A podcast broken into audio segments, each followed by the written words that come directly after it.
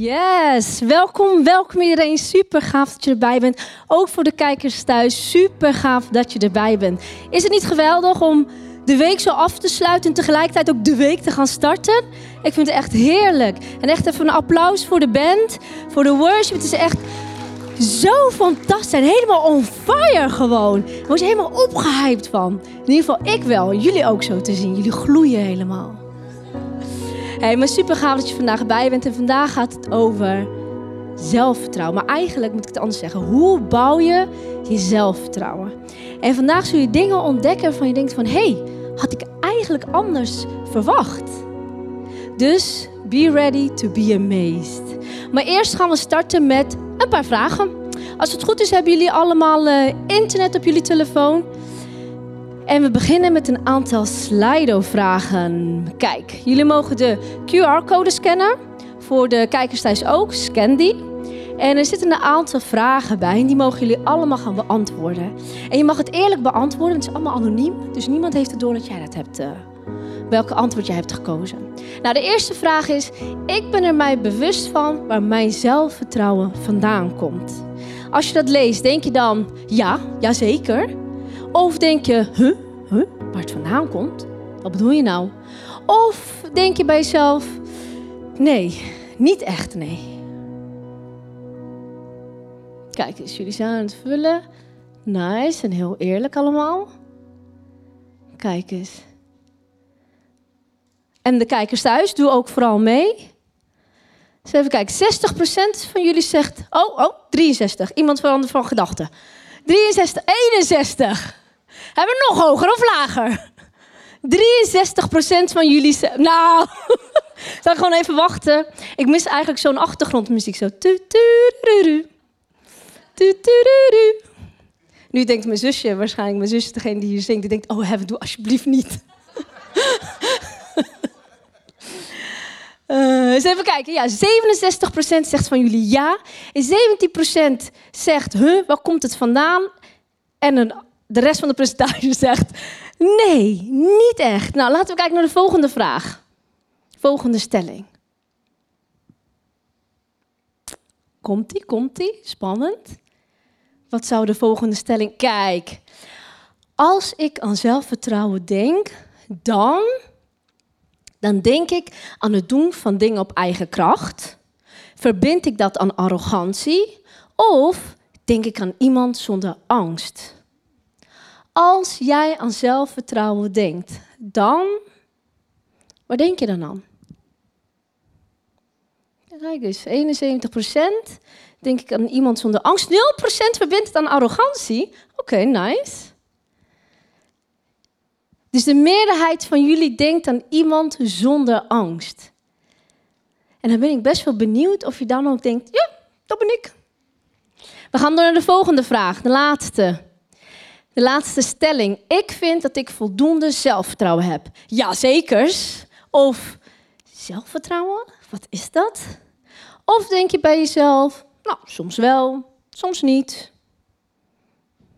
Eens even kijken wat jullie allemaal kiezen. 68% soms wel, soms niet. Ik vind het wel bijzonder om te lezen dat 0% van jullie denkt, zelfvertrouwen, wat is dat? Dat is hartstikke goed. dat betekent dat je toch wel of 29% of 71% denkt van ja, ik heb wel wat. Zelfvertrouwen, nice. En ik hoop dat deze vragen jullie een beetje aan het denken hebben gezet en een beetje bewust hebben gemaakt van ja, zelfvertrouwen. Wat is dat eigenlijk? Nou, daar gaan we dus achter komen. Eigenlijk gaan we erachter komen hoe je dus je zelfvertrouwen kan bouwen. En de betekenis van zelfvertrouwen, zo staat het in Van Dalen woordenboek, lees met me mee. Het vertrouwen in de eigen kracht. En uit een onderzoek naar zelfvertrouwen de afgelopen 50 jaar is er dus geconcludeerd dat er twee vormen van zelfvertrouwen zijn. Welke twee vormen zeggen jullie? Nou, lees met me mee. De eerste is zelfvertrouwen als vaardigheid. En dit is het vertrouwen in wat je kunt. Nou, de meeste van jullie kunnen fietsen, toch? Ja, ja, ik denk iedereen hier, denk ik. Ja? En daar heb je de zelfvertrouwen in dat je dat kan, toch? Ik bedoel, je fietst zonder erbij na te denken. Soms zelfs met ogen dicht en stuur los. Voor de waaghalsen onder ons. Moet je niet in Amsterdam doen. Nee, echt niet. Slecht idee. Maar dat betekent niet dat je dus diezelfde zelfvertrouwen hebt wanneer je een hartoperatie gaat uitvoeren, toch? Ik hoop niet dat jullie denken van, oh, ik heb zoveel zelfvertrouwen om zelf te gaan fietsen, dat, dat ik ook het zelfvertrouwen heb om een hartoperatie te gaan doen. Nee, toch? Ik hoop het niet. Ik hoop het niet. Dat zou echt misgaan. Dat is dus zelfvertrouwen als vaardigheid. Dat is dus wat je, de dingen die je kan. Dan hebben we het tweede, lees met me mee. Zelfvertrouwen als waardigheid. En hier gaat het over je gevoel van waardigheid. Sommige mensen die hebben het idee van hé, hey, ik voel me waardig genoeg. Ik ben oké. ik ben goed. Anderen hebben juist weer een tekort aan het gevoel van waardigheid. En die spreken zichzelf allerlei schuldgevoelens aan en die houden zichzelf altijd klein. Er zijn dus twee vormen van zelfvertrouwen. Nou, wat valt jullie op aan deze betekenissen? Wat valt jullie op? Jullie mogen roepen, thuis ook, je mag roepen. Ja, dat is iets wat je opvalt. Wat valt jullie nog meer op? Ja? Ik ga het jullie vertellen. Jullie kijken, wat, wat is het dan? Nou, de kracht van zelfvertrouwen is op de ik-vorm gebaseerd. Wat ik kan, waar ik goed in ben. Waar, wat ik vaak heb gedaan, waar ik in vaardig ben. Het is allemaal gericht op de ik-vorm. Sterker nog, de ik-vorm vinden we zelfs terug in het woordje zelfvertrouwen. Maar wisten jullie dat er nog een alternatief is? Iets wat veel beter is dan alleen een zelfvertrouwen. En weten jullie hoe dat heet? Een Godvertrouwen.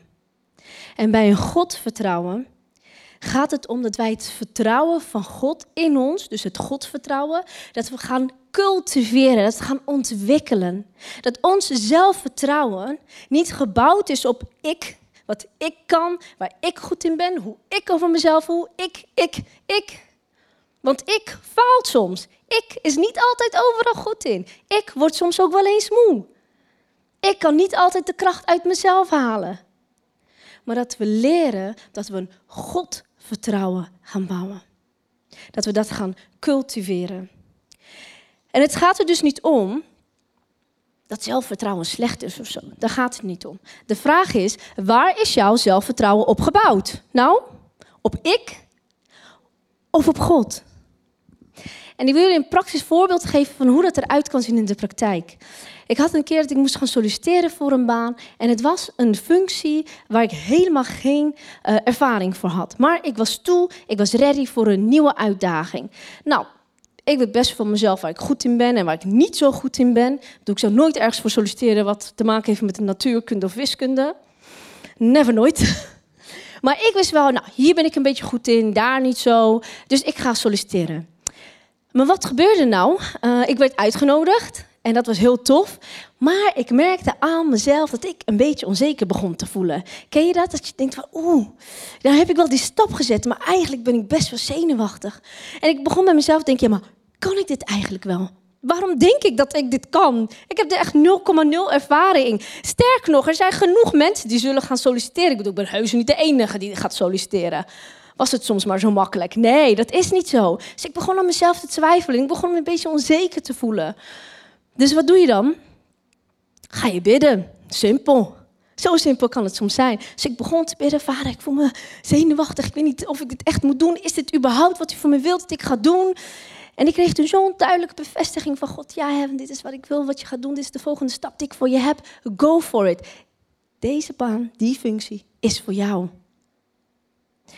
En ik dacht, wauw, vader, yes, dank u wel. Dus ik, en ik bad dat, uh, dat hij tot me zou spreken, ook tot zijn woord. En dat is de Bijbel. Dus ik opende de Bijbel en ik las een Bijbelvers waarin stond van... Um, ik ben voor je en ik zorg voor jou.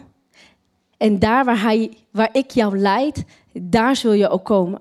Oké, yes, dank u wel, vader. Ik ga er gewoon voor. En dit was de avond voor de sollicitatiegesprek, dat ik dus zenuwachtig werd en onzeker werd. Dus mijn zelfvertrouwen was even een beetje weg, totdat God dus tot me sprak. De volgende dag moest ik dus naar een gesprek gaan. En voordat ik het huis uit ging, wat kwam even weer voorbij me even hoi te zeggen? Onzekerheid.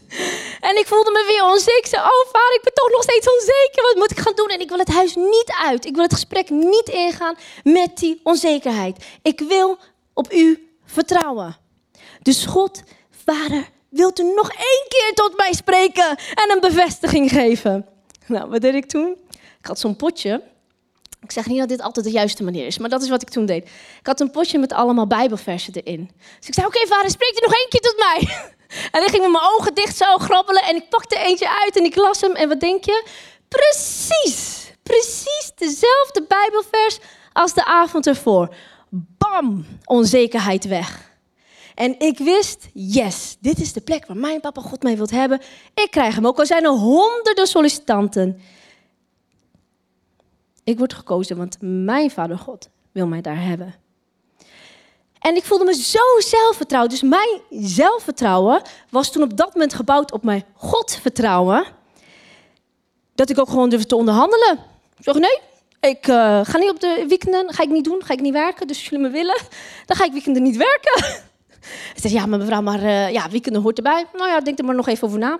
Als jullie mij willen. ik was er zo zeker van. En uh, ik kreeg hem. Ik moest nog wel weekenden werken. maar ik had wel even, uh, ik had wel met hun afgesproken dan om en om. Dus niet heel veel weekenden achter elkaar. Dat vonden ze prima en ik kreeg geen avonddienst op de zondag. Top. Dus ik kreeg die baan. Maar snappen jullie wat ik bedoel dus met de God vertrouwen? Snappen jullie dat? Dus waar is jouw zelfvertrouwen op gebouwd? Op jezelf of op God? En vandaag gaan wij drie waarheden ontdekken. Drie waarheden die jou gaan helpen om jouw Godvertrouwen te gaan ontwikkelen. Om dat sterker te gaan maken, om dat te gaan cultiveren. En misschien denk je bij jezelf, waarheden, drie waarheden. Maar wat hebben waarheden nou te maken met mijn zelfvertrouwen? Heel veel. Want waar zijn die, die drie waarheden op gebaseerd? Op Gods woord.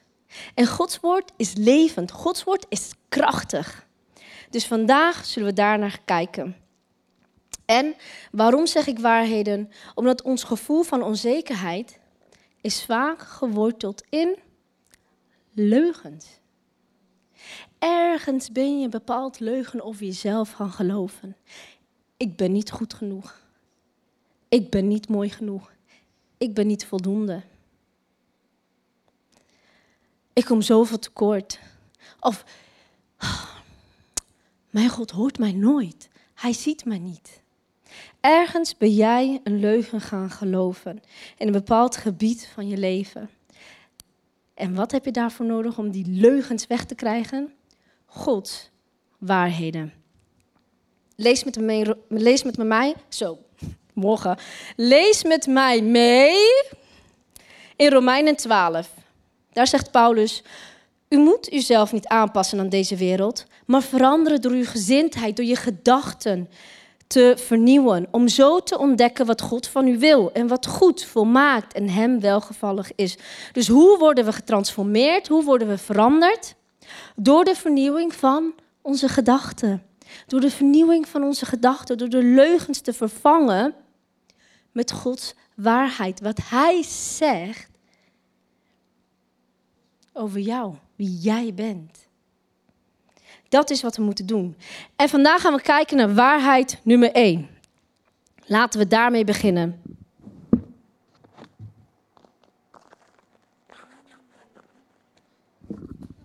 Ja, ja, ik ga aan het einde van de message heel charmant uitzien.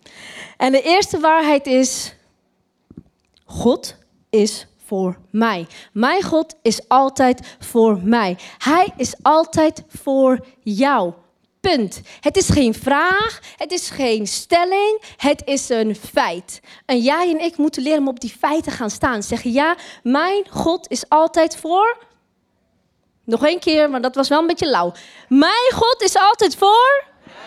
Juist, hij is altijd voor jou. Dat is wie God is. En sommigen van jullie zijn opgegroeid met de gedachte: dat God een God is die aan het wachten staat om jou te gaan straffen. Die erop wacht dat jij een fout maakt en kan zeggen: Ik zei het je toch? Ah, ah, dat mocht je niet doen. Dat is niet goed. Wat ben jij toch een stout kind? Nee, dat is niet wie God is. Hij is jouw maker, hij is jouw papa. Jij bent zijn geliefde zoon, zijn geliefde dochter. Hij is altijd voor jou. Betekent niet dat alles wat we doen altijd even goed is en dat het hem blij maakt. Maar jouw God is voor jou. Om jou te helpen, om jou weer te vertellen wie jij bent, hoe hij jou gemaakt heeft. Jij en ik zijn gemaakt in wiens, wiens evenbeeld? Gods evenbeeld. En als jij in Gods evenbeeld gemaakt bent, is het dan voor jou of is het dan tegen jou? Hij is voor jou. We hebben hier heel veel ouders. Ouders, steek even je hand op. Kijk, zo heel veel ouders. Gezellig, gezellig. Hoe is dat voor jou als ouder zijnde? Wacht jij erop dat je kind iets verpest? Dat je echt op het uh, puntje van je stoel zit? Dat je denkt, oh, nou komt dan gaat iets fout doen. Ja, oh, nu ga ik er wat van zeggen. Stout. Nee, toch? Dat is toch niet wat je doet bij je kind? Waarom? Jij bent voor je kind. En hetzelfde is ook met onze papa God. En als hij voor jou is, als hij voor jou is, wie kan dan tegen jou zijn? Lees met me mee in Romeinen 8. Als God aan onze kant staat, wie? Wie kan dan tegen ons zijn? En dit is niet een vraag zo van, ehm, als God aan mijn kant staat, uh, wie kan dan tegen mij zijn? Nee, het is een stelling, het is een statement. Als God aan mijn kant staat, wie kan er dan tegen mij zijn? Wie? Hij, zal hij die zijn eigen zoon, die zijn eigen zoon niet gespaard heeft, maar hem omwille van, omwille van wie? Van jou en van mij. Allen, allen heeft prijsgegeven, ons met hem niet alles schenken. Zou hij dat niet doen? Als hij zijn eigen zoon heeft opgegeven voor jou en voor mij, is hij dan voor jou of is hij dan tegen jou? Hij is voor je. En ik hoop dat je dat echt gaat beseffen. Waarom maak ik hier een punt van? Want dit is een huge waarheid. En daar moeten we echt op gaan staan. Op het moment dat jij vanuit deze waarheid gaat leven, gaat je leven veranderen word je totaal veranderd. Denk aan een beeld waar een kind meedoet aan een wedstrijd. En de ouders staan aan de zijkant, staan helemaal toe te juichen. Ja, go for it, je kan het, goed zo. Wat denk je dat dan gebeurt met het kind? Gaat dan zeggen, uh, uh, nee. Het kind denkt, oh yes, mijn papa en mijn mama die juichen me toe. Ik ga echt zo mijn best doen. Toch? En hetzelfde is ook voor jou en voor mij. Onze papa God staat aan de zijkant van de hemel en die zegt, go for it, je kan het. Want ik ben altijd voor jou. Dus we zoeken niet, maar we erkennen dat we de goedkeuring van onze Papa God hebben. Als je probeert uit een berg schulden te komen, wie is voor je? God is voor je. Als je probeert een relatie of misschien zelfs een huwelijk te redden, wie is voor je? God is voor je. Als je een nieuw bedrijf wilt starten, wie is voor je?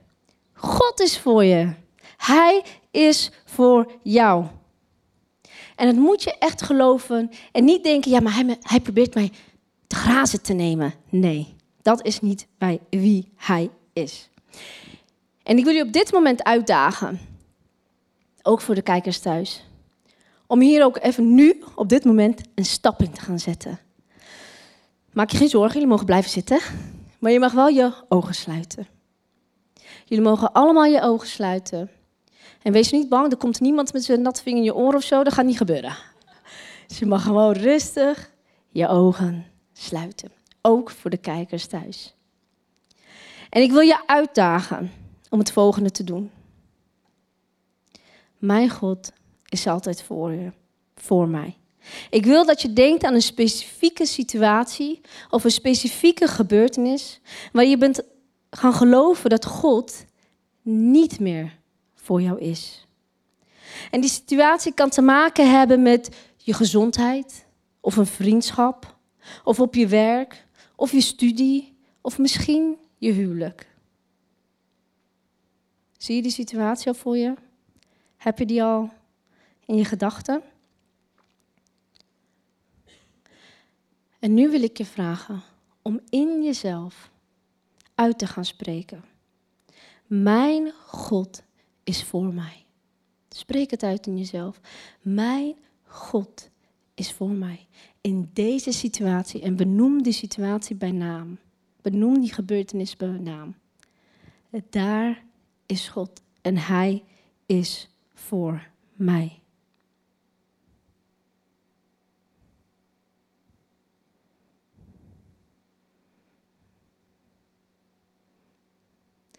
En als je het hebt uitgesproken, wil ik je uitdagen. Luister naar Hem. Wat zegt Hij? Wat laat Hij je zien? Welke gedachten geeft Hij jou?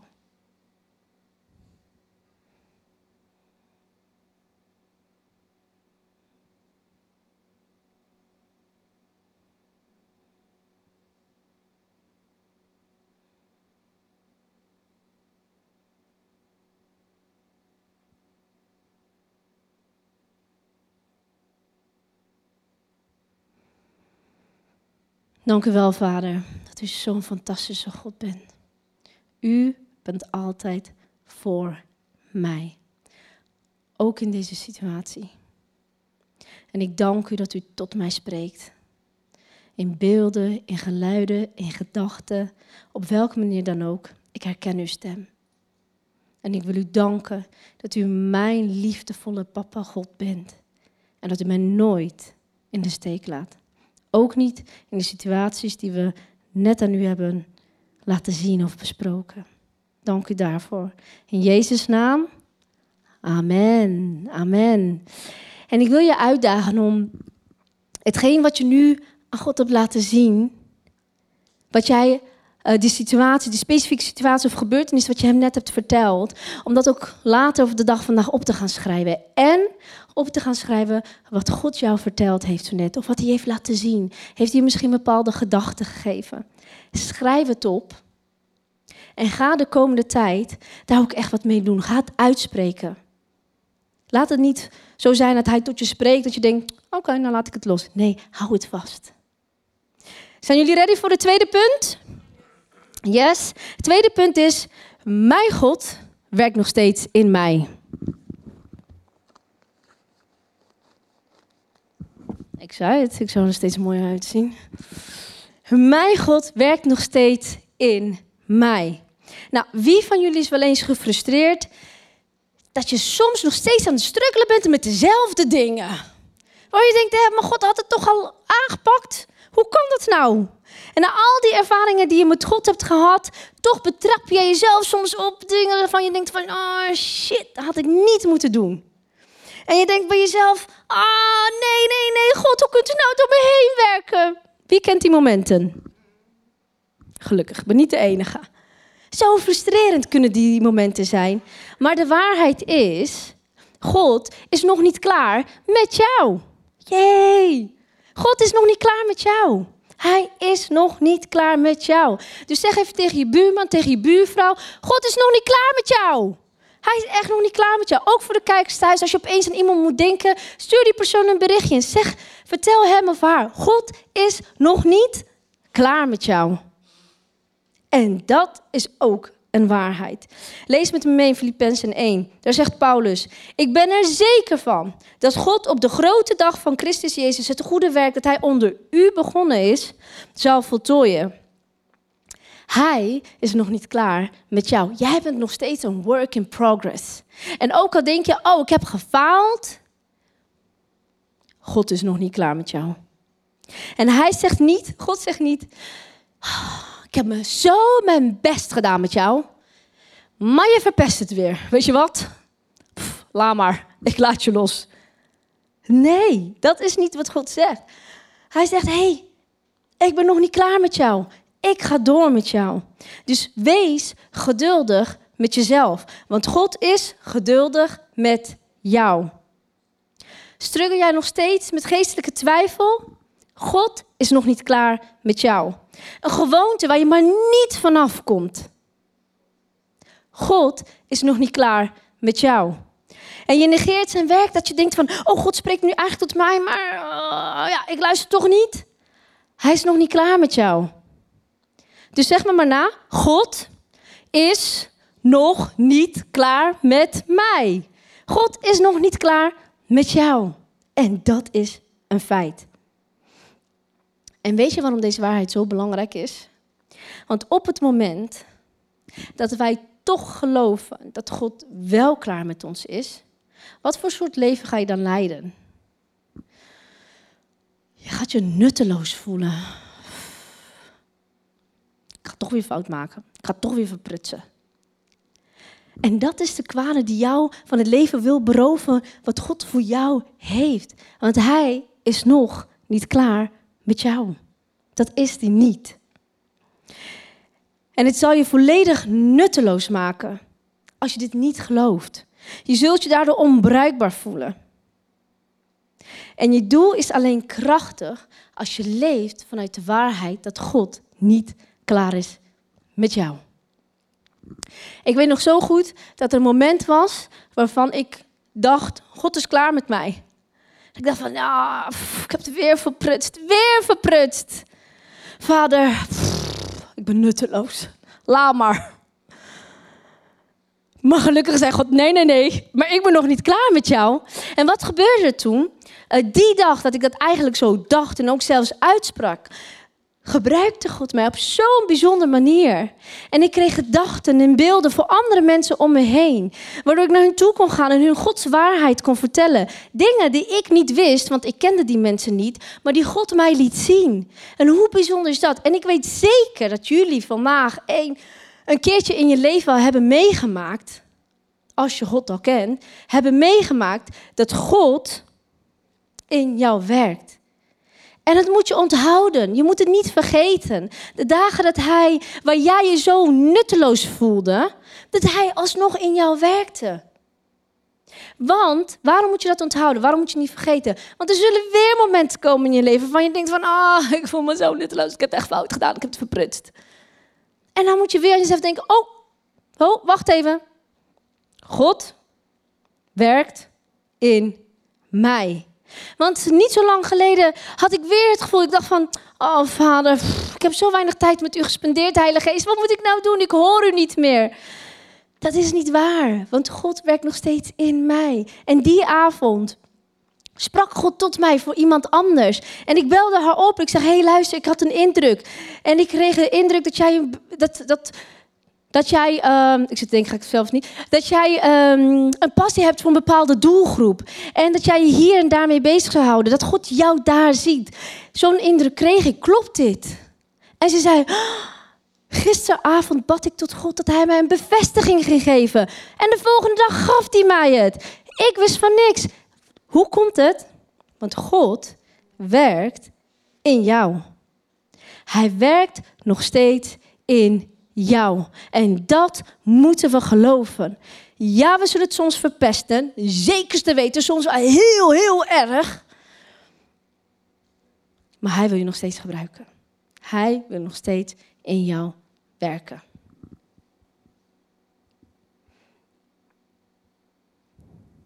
En de Bijbel zegt dat je meer bent dan alleen een overwinnaar. Jij en ik zijn een mede-erfgenamen van alles wat God heeft gemaakt samen met Jezus. Jij bent genoeg. Jij bent genoeg. God houdt van jou zoals je bent. Je hoeft niet meer te doen. Jij bent genoeg. Zijn jullie ready voor de laatste waarheid? God helpt mij altijd. Zo. Ik ben een kilootje afgevallen, dus hopelijk valt er niet vanaf. Lees met me mee wat Hebreeën 13 staat. Want God heeft gezegd, wat heeft hij gezegd? Lees hardop met me mee. Ik zal altijd, jongens, hardop. Hebben jullie je koffie nog niet gehad? Hardop, ook voor de kijkers thuis. Lees mee. Want God heeft gezegd, ik zal altijd voor u zorgen. Ik zal u nooit in de steek laten. Daarom kunnen wij met goede moed hebben en zeggen: De Heere helpt mij. Daarom hoef ik niet bang te zijn voor wat de mens mij kan aandoen. Yes! Ik bedoel, dat is fantastisch. God helpt mij altijd.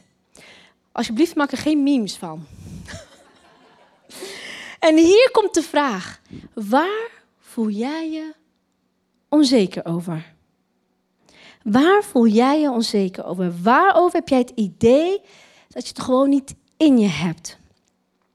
In welk gebied van jouw leven heb jij Gods hulp nodig? En moet je tegen jezelf zeggen en weer aan laten herinneren: God helpt mij altijd. En onze God is een God die klaar staat om jou te helpen. Hij is helemaal ready. En het enige wat hij van jou en mij vraagt is dat we het vragen aan Hem. Dat we Hem erbij betrekken. Dat we in Zijn aanwezigheid gaan staan. Dat we Zijn aanwezigheid omarmen. En Hij werkt door jou heen. En Hij helpt je op manieren waarvan je nooit had gedacht dat Hij dat kon. Wat je helemaal niet zag aankomen. God helpt mij altijd. Altijd. David schreef dit in zijn psalm. Lees met me mee. Bij God vinden wij wat? Bij God vinden wij bescherming. Hij is onze kracht in de moeilijkste omstandigheden, in de allermoeilijkste omstandigheden. Bleek steeds weer dat Hij ons te hulp komt. Steeds weer is Hij er. Steeds weer gaat Hij jou helpen. In welke storm jij je ook bevindt, waar die golven je naartoe brengen. God helpt mij. God is voor mij, God werkt in, in mij en Hij helpt mij. En ik geloof, Zijn aanwezigheid is onze hulp. Dus wat moet jij doen met de volgende keer dat je hulp nodig hebt? Wat moeten jij en ik dan gaan doen? stappen in zijn aanwezigheid. Hem uitnodigen. Zijn aanwezigheid is onze hulp. En God kan dingen veranderen op een manier dat je gewoon niet zag aankomen. Zo goddelijk, zo liefdevol, zo krachtig. En ik geloof dat vandaag dat jij verandert naar huis kan gaan dan hoe je hier binnenkwam. Als je gaat staan op deze drie waarheden. En dat je niet afhankelijk bent van je zelfvertrouwen, maar juist op een God vertrouwen. Dus als je in moeilijkheden zit, wat is de tip? Nodig God uit. Nodig Hem uit. En het kan soms zo simpel zijn. Vader, ik heb u nodig. Help. SOS. Red mij. En komt hij dan? Ja, waarom? Hij is voor jou. En we gaan zo meteen in de worship. En worship is soms ook een manier van oorlog, hè? Soms een manier van oorlog. Het is soms een gevecht. En als wij verklaren, als we proclameren, als we uitspreken Gods waarheden over ons leven, wat gebeurt er dan? Die waarheden worden wortels in onze identiteit. En stormen zullen komen, maar we blijven staan. Dus ik wil jullie uitdagen om op te gaan staan. En ook thuis. Ga maar staan. En het gaat echt tussen jou en jouw God. Je mest op gedachten. Wie kan ze veranderen? God kan ze veranderen. En weer nieuw maken. Je verleden waarvan je denkt van... Shit, dit is wie ik ben. Ik heb het verprutst. God kan jou daarvan vrijmaken. God is een God die alle dingen nieuw kan maken.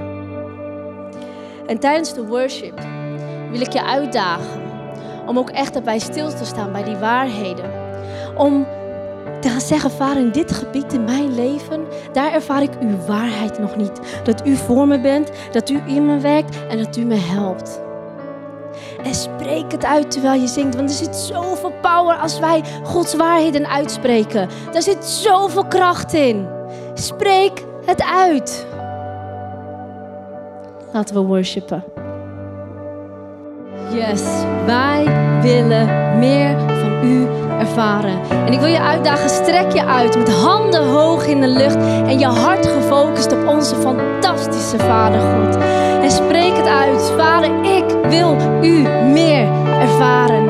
Ik wil niet meer bouwen op mijn zelfvertrouwen, maar ik wil juist mijn zelfvertrouwen gecultiveerd wordt, ontwikkeld wordt op u, op God vertrouwen. Want u werkt in mij. U bent voor mij. U helpt mij altijd. En daar wil ik in gaan staan. De leugens die ik heb ontwikkeld over wie ik ben of over hoe, hoe u mij ziet, die wil ik loslaten. Leugens die over mij heen zijn gesproken, die wil ik loslaten. Maar ik wil uw waarheden aannemen. In mijn hart, in mijn verstand, in mijn lichaam, in mijn ziel. Ik wil erop gaan staan en van daaruit gaan leven. Keuzes maken, goddelijke keuzes, gezonde keuzes. Die mij nog dichter bij u zullen brengen. Die mij nog dichter bij het doel wat u voor mij heeft zullen brengen. Vader, ik dank u. Dat ik uw geliefde dochter ben. Dat, u, dat ik uw geliefde zoon ben. En u laat mij nooit meer los. En als je op dit moment het idee hebt, God heeft mij losgelaten. Ik heb het verprutst. Dan wil ik je op dit moment uitdagen. Laat die leugens los. Want het zijn leugens. Laat ze los. Laat ze los. En laat je waan in zijn liefde, in zijn vrijheid, zijn vergeving, zijn genade. Jouw papa God zegt, ik hou van jou. Ik hou echt van jou. Ik hoor je. Ik zie je. Ook al lijkt de situatie hopeloos. Ik help jou.